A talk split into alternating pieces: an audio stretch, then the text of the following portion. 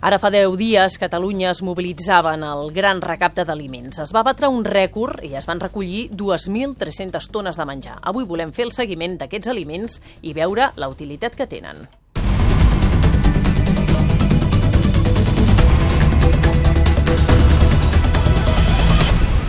Amb el micro de servei La Connexió que ens acosta la gent, ens hem traslladat a l'entitat Santa Llúcia de Marillac, a la Barceloneta, per comprovar com culmina aquesta tasca. Saludem a aquesta hora Cesc Armengol, bon dia. Hola, bon dia, efectivament. Estem en concret a l'entitat social Santa Lluïsa de Marillac. Efectivament, seguim l'itinerari del menjar del Banc dels Aliments. Després de comprovar el ritme frenètic al mateix Banc dels Aliments, han fet el recorregut d'un dels milers de remeses de menjar que han anat a parar, en, aquesta, en aquest cas, doncs, com dèiem, a l'entitat social de Santa Lluïsa de Marillac, de la Companyia de Filles de la Caritat de la Barceloneta. Parlem ara amb el seu director, que és eh, l'Eduard Sala. Bon dia, Eduard. Hola, bon dia. El, el Banc dels Aliments eh, us ha fet arribar un lliurament important de, de menjar, però aquest no és l'únic servei que té l'entitat social. Explica'm una mica genèricament i de manera resumida quina, quins eh, serveis feu. L'Obra Social Santa Lluïsa Marillac és un servei de de les Filles de la Caritat que tenem bàsicament persones sense llar eh, de la ciutat de Barcelona que estan en situacions força complicades. Hi ha diferents serveis d'atenció, de, de primera atenció, de centre de convalescents, de persones que estan malaltes s'han de recuperar i de centre de dia també. Llavors, eh, el servei de lliurament d'aliments és un dels serveis que en aquest cas s'ofereix a un altre tipus de, de persones. Són famílies del barri de la Barceloneta que derivades de serveis socials de la Barceloneta i que necessiten ajuda. Què suposa aquesta injecció de, del Banc dels Aliments? Uh, tenir aliments durant més temps o més aliments per a aquestes famílies? A veure, mm, sense, sense iniciatives tan importants com la de la Fundació del Banc dels Aliments de Catalunya i, o Gran Recapte, no podríem per res assumir la quantitat de, de demanda que hi ha de persones que no estan arribant a final de mes i necessiten complementar eh, amb, estem en una situació una mica de postguerra, eh, en el fons, perquè eh, que nosaltres estiguem en, en aquests moments pensant amb, els, amb el lliurament d'aliments com, un, uh, com un servei absolutament necessari ens col·loca amb, amb edats. Eh, I llavors situacions com la que eh, comporta el gran recapte permeten poder assegurar que s'arriba mínimament, mínimament, a part de les persones que necessiten ajuda, no?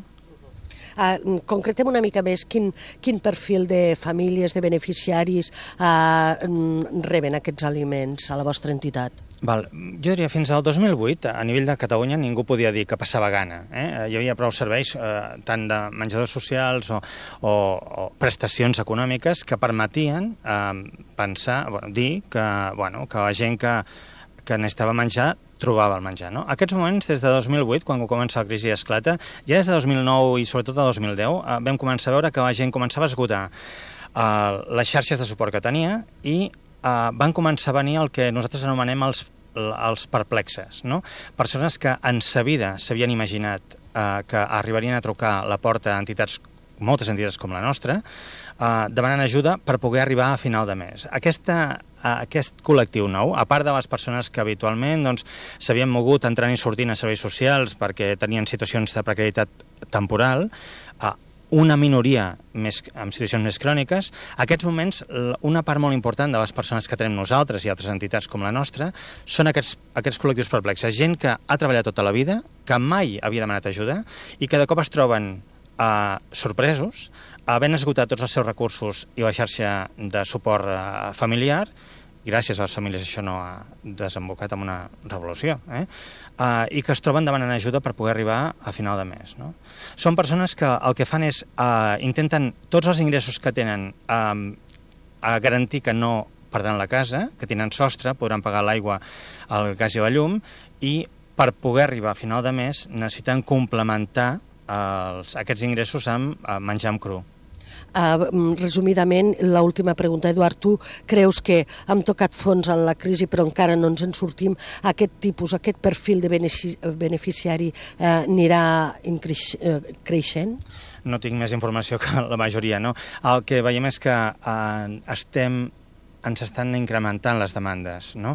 Uh, cada cop són més gent la que ens arriba, no només a nosaltres, a totes les entitats uh, com la nostra, amb persones que abans podien en tres mesos recuperar-se, ara no recuperen. Llavors hem de tenir aliments suficients com per poder continuar ajudant a la gent que, que ens ve, la que ens ve, i la que ja teníem que no ha remuntat perquè no troba feina. Llavors, sincerament, la perspectiva no és massa bona, almenys per al que queda de, de, de l'any vinent, diria. Eduard, moltíssimes gràcies i sobretot enhorabona per la feina que feu. Gràcies a vosaltres. Doncs nosaltres us emplacem en un context així similar, com deia l'Eduard que recorda la postguerra, us emplacem a la pròxima connexió que parlarem a, amb un beneficiari d'aquest banc dels aliments de, de l'entitat social de, de Santa Lluïsa de Marillac i amb un beneficiari, com dèiem, d'aquests que deia l'Eduard, que són perplexos, que la situació de crisi els ha, els ha sorprès i abans eren dipositaris d'aquest banc dels aliments i ara són beneficiaris. Fins ara això és tot. Gràcies, Cesca. Bon dia. Bon dia.